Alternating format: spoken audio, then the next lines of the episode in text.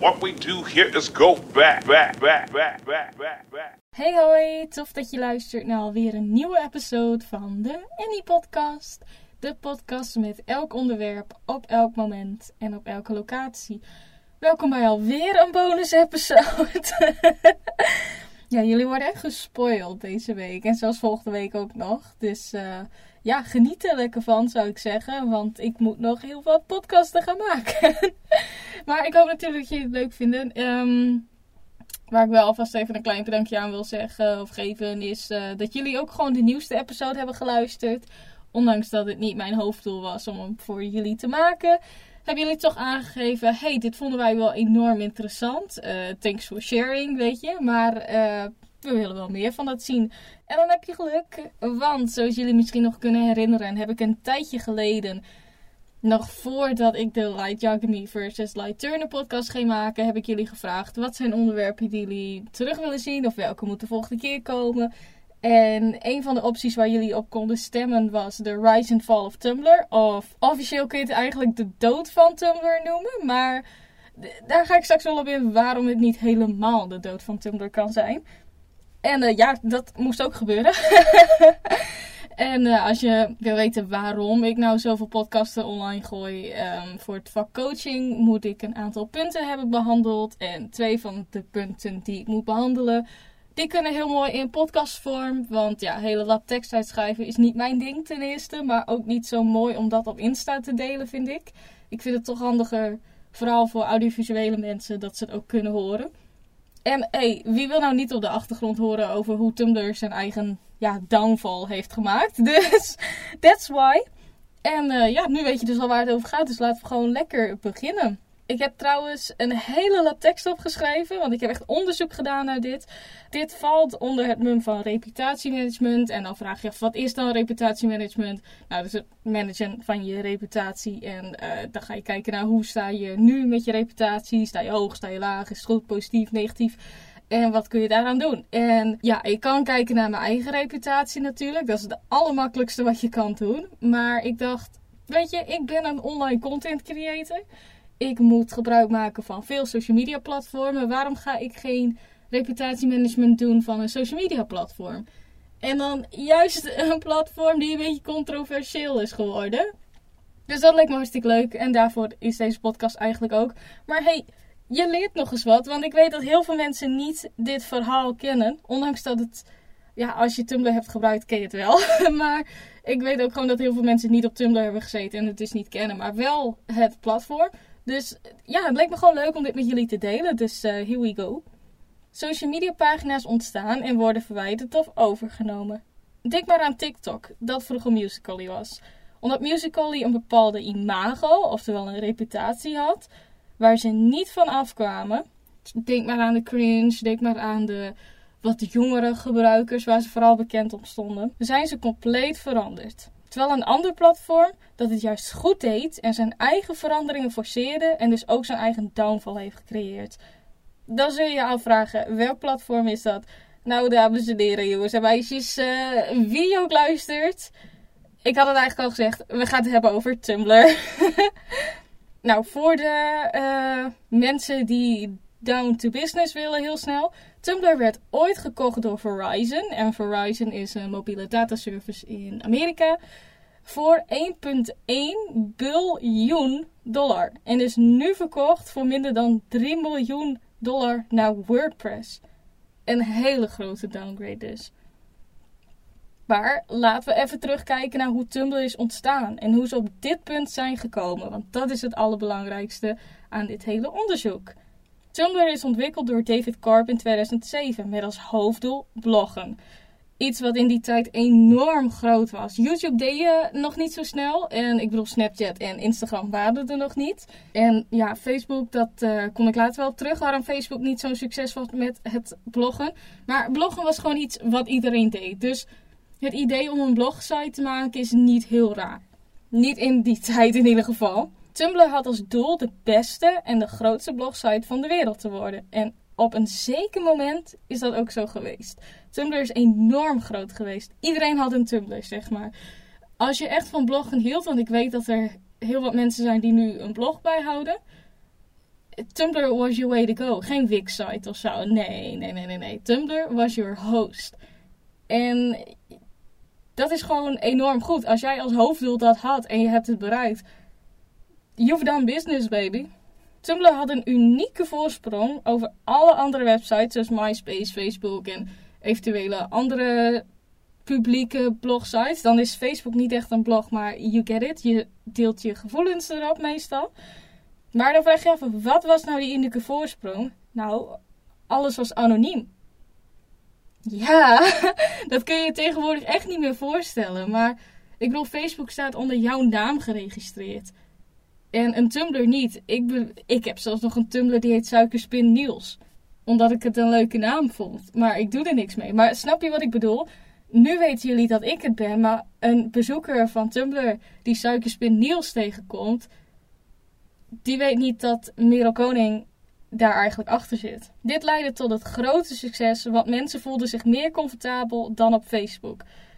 Als je bijvoorbeeld nog zoekende was met je seksualiteit, zette je dit sneller op Tumblr dan op Facebook, waar al je vrienden en familieleden dit konden zien.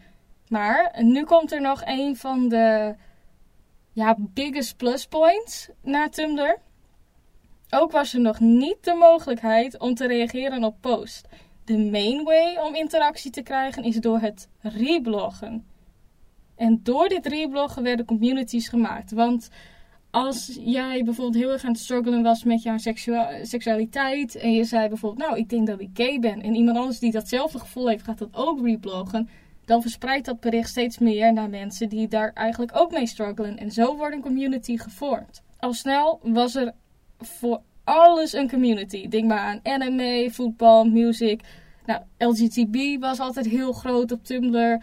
Eh, de artists waren heel groot op Tumblr. Je noemde het maar op, er was gewoon een community voor. Op Tumblr was er dus een community voor alles en iedereen. En alle communities waren dan ook welkom. En dan zou je denken dat is iets heel positiefs. En dat is ook zo, maar het is ook iets heel slechts. Want door het accepteren van alle communities raakte Tumblr in de problemen en is het geëindigd op het punt waar het nu is. En daar kom je straks achter waar ze nu zijn. Maar nog een klein beetje voor de mensen die echt van de cijfertjes houden. Ik heb echt heel hard mijn best gedaan. Dit is echt een onderzoek waarvan je denkt: wow, what researcher. In de eerste twee weken dat Tumblr online was, hadden ze 75.000 aanmeldingen. En in 2012 had Tumblr per maand meer views dan Pinterest en Instagram. Moet je nagaan, want Instagram was redelijk op komst in 2012, zou ik eerlijk zijn. Van wat ik me in ieder geval nog kan herinneren.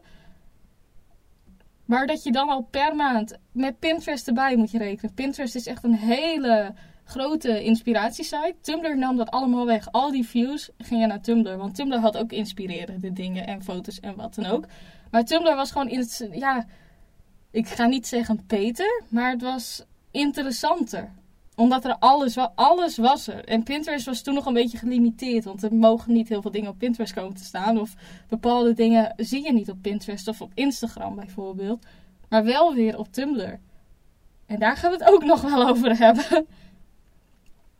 Nou, zoal, zoals al eerder is gezegd, in 2013 werd Tumblr gekocht door Verizon. Voor mensen die het zijn vergeten, dat is een dataprovider in Amerika, een vrij grote. Voor 1,1 biljoen. Maar David Karp was wel de baas over Tumblr om alles zo neutraal mogelijk te maken. Zodat de gebruikers niet door hadden dat het was overgekocht. Dus Tumblr stond wel onder de naam van Verizon. Maar je hebt natuurlijk allemaal afdelingen. En eh, als, dit is gewoon een bijzaak wat bij is gekocht. Daar bleef David Karp wel gewoon de baas over. Maar laten we eerlijk zijn, de meeste inkomsten gingen wel naar Verizon dan. Hoewel veel dingen hetzelfde bleven, veranderde Tumblr wel. De main focus was eerst bloggen. En na het overdragen naar Verizon werd de main focus gericht op adult content. Tussen aanhalingstekens. Denk aan niche fetishes of zelfs porno. Kon je daar heel makkelijk op vinden. Je had pornosterren met een eigen account. Je had gifjes, je had foto's, video's. Ik bedoel, OnlyFans was er toen nog niet. En Patreon ook nog niet. Dus het kwam op Tumblr te staan en beginnende pornosterren, om het maar netjes te zeggen. Die zetten daar hun foto's op om zo aandacht te krijgen. En natuurlijk werkt het, want ja, ik bedoel, het is een van de grootste blogsites van de hele wereld. Dus je wordt wel gezien als dat echt iets is wat je wil, dan word je daar echt wel op gezien. En dan denk je van, dat is uh, goed. En in principe was het goed, want het zorgde wel voor een enorme groei van 640 miljoen bezoekers in juli 2018. Het werd dus alleen maar groter en groter door deze verandering van focus. En dat is heel mooi dat je zoveel bezoekers hebt, want dan ga je denken: hey, adverteerders willen wel hierop adverteren. Maar, en dit was wel slecht voor de advertentiekosten, omdat niemand wilde adverteren op een website met adult content. En ik denk dat je dat wel een beetje kan inzien. Um, een voorbeeld die ik je kan geven is dat Tumblr had in het begin een deal met Adidas. En dan nou ja, werd Adidas gewoon gepromoot. Je had promoten berichten, net zoals je op Instagram eigenlijk ook veel ziet als je gaat scrollen.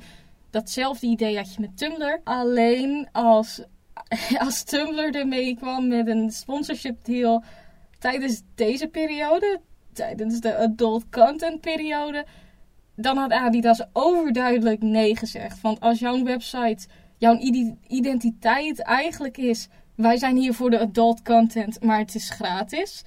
In plaats van websites zoals Pornhub en weet ik het. Dat is ook echt de enige site die ik zo 1, 2, 3 ken. Dan is dat niet heel positief voor adverteerders, nee. Misschien wel voor Pornhub zou dit interessant zijn geweest. Daar kon ik niet heel veel over vinden. Maar dan is het alsnog niet positief dat Pornhub een van jouw main sponsors is. Dat is niet positief voor een social media platform. Maar er veranderde meer. In 2017 verlaat David Corp Tumblr en ze merkte dat de site niet heel erg goed doet vanwege verschillende communities gericht op adult content. Want het begon heel innocent eerst. Want adult content moet je eigenlijk bij voorstellen. Dat kan natuurlijk seks en porno zijn. Maar dat kan ook um, als je artiesten hebt die. Uh, artiesten in de zin van tekenaars, kunstenaars en zo. Als die bijvoorbeeld een renaissance na gaan maken. Dat je een blote borsten ziet. Ja, dat noem je eigenlijk wel adult content. Omdat het naaktheid is. Maar daar wordt altijd wat minder naar gekeken dat dat adult content is, zeg maar. Maar dat kun je erbij voorstellen. Zo innocent was het begonnen gewoon. Van artiesten die ook van die sketches gingen vrijlaten. Zoals uh, human body sketches en references. Dat ze het gewoon helemaal laten zien hoe je dat moet tekenen en zo. En uh, dan moet je ook aan denken dat de geslachtsdelen gewoon te zien zijn en zo. En hoe gedetailleerd het wil, hoe simpel het wil, weet je. Dat doet even niet aan toe. Zo innocent begon het. En dan moet je denken aan hele kleine fetishes, zoals uh, food fetish of zo. Uh, misschien wel een handen fetish. ik durf niet zo te zeggen, dat kwam ik niet zo tegen op Tumblr. Maar daar moet je aan denken in het begin. En door de jaren heen werden het wel vrij erge dingen. En dan moet je denken aan BDSM en zo. En uh, dat is ook echt de enige die ik zo op kan noemen. er zijn vast wel ergere dingen, maar het ging van onschuldige art, dat een beetje naaktheid liet zien, naar echt pure porno. En je zag ook als jij um, iets ging opzoeken, dan stond porno er eigenlijk wel gegarandeerd in. En ook heel veel uh, gebruikers, ik zelf ook. ik heb zelf ook een Tumblr, zoals je nou al weet maar ook een ander Tumblr-account. Ik werd altijd lastiggevallen door pornobots, noem je dat. Die jou gingen volgen en gingen berichten. En die gingen je hele vervelende gifjes sturen om maar netjes te houden. Daar moet je aan denken aan het einde van de rit. En je zou denken, dat is het ergste wat er is. Maar nee! het is zelfs zo erg geworden dat in november van 2018 kwam de laatste druppel de App Store heeft Tumblr verwijderd vanwege kinderporno dat werd geplaatst op de website. En dat is echt een enorm probleem. Zoals je ik denk dat dat heel logisch is waarom dat een enorm probleem is. Niet alleen voor Tumblr, maar als de App Store nog steeds de app gewoon. Eh, ja, dat je het kon downloaden had, dan was Apple ook echt fucked geweest. Ik kon het niet zo vinden van de Android Store en zo. Google Play Store heet dat volgens mij nu. Ik durf het nou echt niet te zeggen. Daar kon ik het niet zo van vinden. Maar ik heb wel berichten gelezen van anderen die zeiden: Oh, ik kan Tumblr niet meer updaten. Oh, ik kan Tumblr niet meer vinden, bijvoorbeeld. Dus eh, laten we er gewoon van uitgaan. Beide app stores, play stores, hoe je het ook wil noemen, hebben de app verwijderd. En uh, nou, hoe gaat Tumblr dat oplossen? Op 17 december 2018 bannen ze alle adult theme gerelateerde content en vooral de porno en al dat soort dingen. En uh, wat heel vervelend was, dit weet ik nog heel goed, het is echt een uh, eigen experience. Is, uh, ik wist hier niet vanaf dat er kinderporno was geplaatst. Dat wist ik totaal niet. Elke gebruiker kreeg een privacy update. En toen die tijd deed Google dat ook, want er waren wat regels aangepast. En tuurlijk ga je het niet lezen. Waarom zou je? Dus je accepteert het. Maar eigenlijk wat daarin stond, ik heb nog een screenshot kunnen vinden, is dus letterlijk dat alle adult theme content wegging. En tuurlijk, het is hartstikke echt top dat alle porno dingen weg zijn. Maar dat betekent ook dat alle kunst was ook verwijderd. En dan hebben we het ook over kunst van 1300 of zo. Als iemand een foto had gemaakt van, uh, nou, wat zullen we zeggen, van een... Uh, een Romeinse god met een uh, tepel, werd die foto gelijk verwijderd. En je riskeerde zelfs dat je account werd verwijderd vanwege dat, omdat zij dat niet meer wilden plaatsen. En dat vonden heel veel mensen oneerlijk, wat ook vrij logisch is. Want als jij echt een kunstblog was, dan kon jij dus niet bepaalde tijdperken delen. Of de vormen van kunst kon je niet delen, omdat Tumblr dat zag als naaktheid. En daar hebben ze natuurlijk allemaal bots voor die dat allemaal in de gaten houden. En hele systemen, daar gaan we niet op in. Maar dat is wel een beetje het lastige hiermee. Dat je dan, die kunnen geen onderscheid maken van wanneer is iets goed en wanneer is iets niet goed. En omdat ze dat dus besloten te doen, is dat eigenlijk wel het moment waarop Tumblr eigenlijk stierf. Veel mensen verlieten de site omdat alle adult content werd verwijderd. Fetish communities kwamen juist op de site om met mensen te praten zoals zij. Tumblr werd gezien als de plek voor adult content. Zoals ik al eerder zei, hun identiteit was veranderd van een blogging website naar een adult content website. Als je dat weghaalt, je identiteit, je tweede identiteit, verlies je bijna alles. Vooral bij zo'n groot publiek. Een paar dagen na de aankondiging van de ban verloor Tumblr al 30% van alle gebruikers. En dat is enorm veel. Maar zoals je misschien wel hebt gemerkt, tegenwoordig praat niemand meer over Tumblr. Wat heel erg opvalt is dat Tumblr alleen wordt besproken op Tumblr zelf en niet daarbuitenaf. Ik bedoel, ik heb nu nog nooit iemand horen zeggen: volg me even op Tumblr.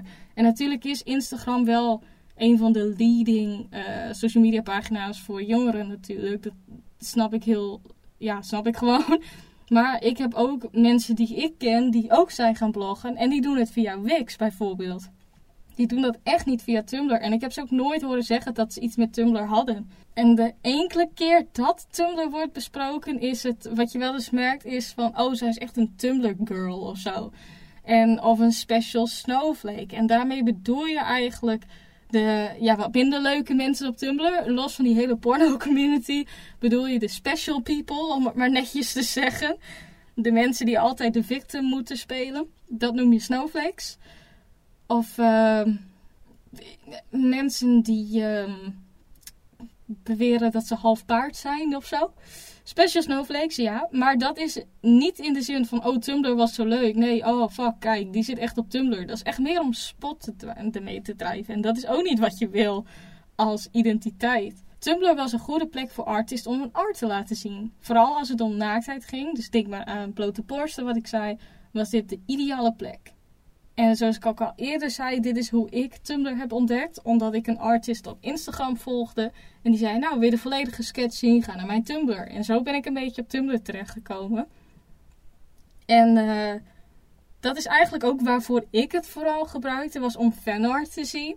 Of andere art. Of um, ze hadden af en toe ook wel Q&A's met bepaalde celebrities. En dat was wel altijd leuk om te zien. Maar voor de rest gebruikte ik Tumblr nooit om te bloggen. Ik gebruikte dus niet voor zijn eerste instantie. Maar ik was ook niet een Tumblr girl, om het maar zo te zeggen, in die periode. Ik was echt rond de pornoperiode binnengestroomd. En niet vanwege de porn. Don't worry. Ik weet dat er heel veel mensen zijn die Tumblr daarvoor wel hebben gebruikt. Maar dat was niet mijn intentie in ieder geval. Maar wat je merkt met de artist, niemand zegt echt meer oh, mijn volledige art is op mijn Tumblr. Nee, het is of op Twitter of op Patreon, want Patreon is natuurlijk betaald. Maar Twitter is ook nog een van de weinige social media pagina's die naaktheid toelaat. Instagram tot een zekere extent, maar als genoeg mensen een artist echt niet mogen, bijvoorbeeld, dan gaan ze gewoon de art met naaktheid, waar bijvoorbeeld redelijk wat likes op komen, die gaan ze gewoon spammen zodat die wordt verwijderd. En dat is ook wel weer het nare natuurlijk, want dat kon niet op Tumblr bijvoorbeeld. En wel weer op Insta. En dat is, nou ja, dat is iets voor een heel andere keer. Dus je merkt gewoon, artists zijn ook weggegaan. Misschien hebben ze nog wel een Tumblr, maar ze doen er gewoon niks meer mee. Het is nou eigenlijk meer gewoon een archief geworden. En ik heb nu laatst ook op mijn Tumblr gekeken. En ik denk, ja, ik zou niet zo weer op de website gaan of zo. Het is niet meer mijn behoefte. Alle dingen die erop kwamen zijn gewoon weg. En alle artists die ik volgde zijn niet meer actief. Dus ja, dat is best wel jammer. Maar zoals ik zei, uh, ik noemde het wel dat Tumblr dood was op dit moment. Maar niet helemaal. Want nu komt het grappige. Tumblr is niet dood. In augustus 2018 waren er nog 380 miljoen maandelijkse bezoeken. Dat is nog heel veel vergeleken met andere blogging sites. Dus uh, Tumblr heeft nog terugkerende bezoekers. En ik heb ook een beetje mijn best gedaan om echt recente blogs te vinden. Echt mensen die er heel erg actief in zijn en de kings en queens van Tumblr zijn. Ik kon ze niet vinden. maar met zulke getallen ga je toch afvragen waarom is Tumblr dan verkocht voor minder dan 3 miljoen met zoveel bezoekers? En je kunt natuurlijk ook denken, misschien is er meer aan de hand, under the hood en zo. En dat probeert Verizon een beetje te verbergen en zo. Want uh, Verizon heeft dus Tumblr verkocht voor minder dan 3 miljoen aan WordPress. I know, WordPress, of alle bedrijven die het kan kopen, is WordPress. Aan de ene kant niet heel raar, omdat zij ook met websites natuurlijk werken en blogopties geven. Maar waarom voor zo weinig? Als je het voor 1,1 biljoen hebt gekocht en je hebt nog 380 miljoen maandelijkse bezoekers, waarom zo weinig? En natuurlijk kan het zijn, Verizon zag het nut er niet meer in. Ze hadden het veel te druk. Uh, misschien omdat David Carr wegging, dat ze dachten, joh, wij weten toch niet helemaal wat we doen. Laten we het verkopen aan een website of een bedrijf in dit geval die het wel weten. Maar als ik eerlijk ben, denk ik echt door de reputatiechange dat ze het moesten verkopen. Want ik bedoel, op de website, je kan het niet zo vinden natuurlijk, maar je weet dat Verizon de basis is van Tumblr. En dat is heel slecht voor uh, toekomstige klanten van Verizon. Laten we het daarop houden. Want als zij er eenmaal achter komen, oh, een uh, dienst van hun, het is niet officieel een dienst, maar you get it, een investering van hun, daar werd gewoon kinderporno op geplaatst. En dat zegt wel ook wat over jou als Verizon. Dat je dat toeliet. Tuurlijk, je kan niet alles controleren. En het is gewoon erg dat het is gebeurd. Maar laten we ook eerlijk zijn, het kon ook op Instagram zijn gebeurd. Of Facebook of wat dan ook. En het zou me ook niks verbazen als het daar is op gebeurd. Maar omdat die misschien sneller handelen, wordt het minder snel gezien.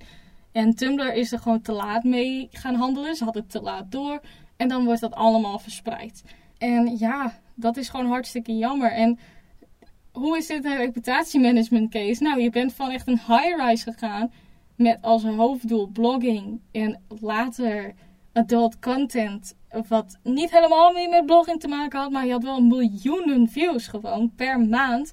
En je had heel veel geregistreerde accounts naar een website dat bijna dood is. Wat het gewoon niet eens 10% meer is van wat het had moeten zijn. En het is gewoon echt een hele dikke downfall geweest voor zo'n potentiële website omdat je zoveel communities toelaat. En je gaf mensen iets wat andere social media pagina's niet konden doen.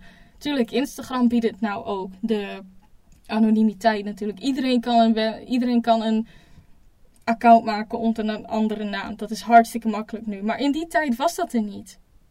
En jij gaf mensen die onzeker waren over iets de plek om zichzelf te kunnen zijn. Om met anderen te praten die net zo zijn als hun. En dat is een hele ja, hoe moet het zeggen, unieke manier van blogging, maar ook een unieke social media pagina. En een belofte, een propositie die geen andere website na kon komen. En nou, je hebt ten eerste twee reputaties gehad. En toen kwam er eigenlijk een subreputatie bij die je echt enorm naar beneden heeft gehaald. Heeft. Ehm, kan ik hier advies over geven?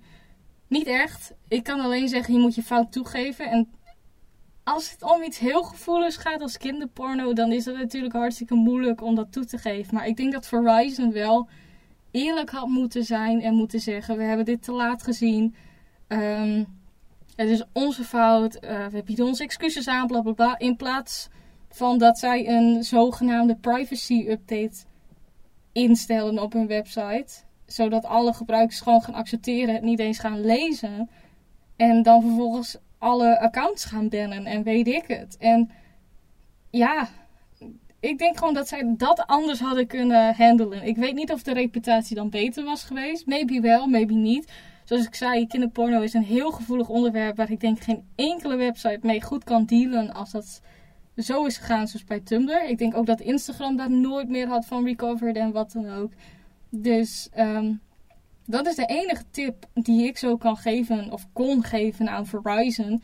En tegen WordPress zou ik zeggen: probeer Tumblr weer een goede reputatie te geven. Je hoeft niet alles toe te staan, maar monitor het gewoon heel goed. Laat meerdere communities weer toe. Ook al is het adult content. Ik bedoel, daar kreeg je wel je views mee. En ik ga niet zeggen, laat pornosterren er weer op of de gifjes of wat dan ook. Maar bijvoorbeeld kunst en zo, laat die periodes weer zien. Laat fanart weer erop komen. Want hey, dan heb je wel weer een publiek die je eigenlijk nodig had. En uh, ik zei wel dat het een bonus was. Ik wilde het eerst een mini-episode noemen, maar ik wist dat het er niet van zou komen. uh, ik hoop dat dit duidelijk was. Ook voor mijn docenten waarvoor dit was. Ik hoop dat dit een duidelijke case was van reputatiemanagement. Of reputatieonderzoek is eigenlijk meer in dit uh, geval. Ik, ja, zoals ik zei, de enige tip was dat ze gewoon de fout hadden moeten toegeven. Ik weet ook echt niet hoe ik hier zelf mee om was gegaan. Naast dat ik mijn fout zou toegeven en that's it eigenlijk. Dus ik hoop dat het wel een beetje een logisch verhaal was. Dat het ja, gewoon heel duidelijk reputatiemanagement was. Maar dat het ook amuserend was en wat jullie heeft geleerd over social media en hoe fout het eigenlijk kan gaan dat je alles toelaat op je website. En uh, wat er ook een beetje is gebeurd met Tumblr. Voor heel veel mensen die het niet wisten. Of mensen die wel van Tumblr hadden gehoord, maar niet weten wat het nou precies was. Bij deze, je hebt een hele history lesson gehad. en uh, ja, dan ga ik afsluiten. Bedankt voor het luisteren. Vergeet vooral niet de Annie Podcast te volgen op Spotify. Want als je mij volgt, hoef je mij niet meer op te zoeken. En krijg je een notificatie wanneer er een nieuwe episode online staat. Zoals deze, de tweede bonus. En uh, ja, vergeet vooral niet de episode te delen, te liken. Volg mij ook even op Instagram, at underscore anypodcast, voor hele toffe content. En vergeet vooral niet de Any Vlogcast, en jawel, te volgen op YouTube voor hele toffe filmpjes. En uh, ja, tot volgende keer. Bedankt voor het luisteren en zie jullie dan. Doei doei!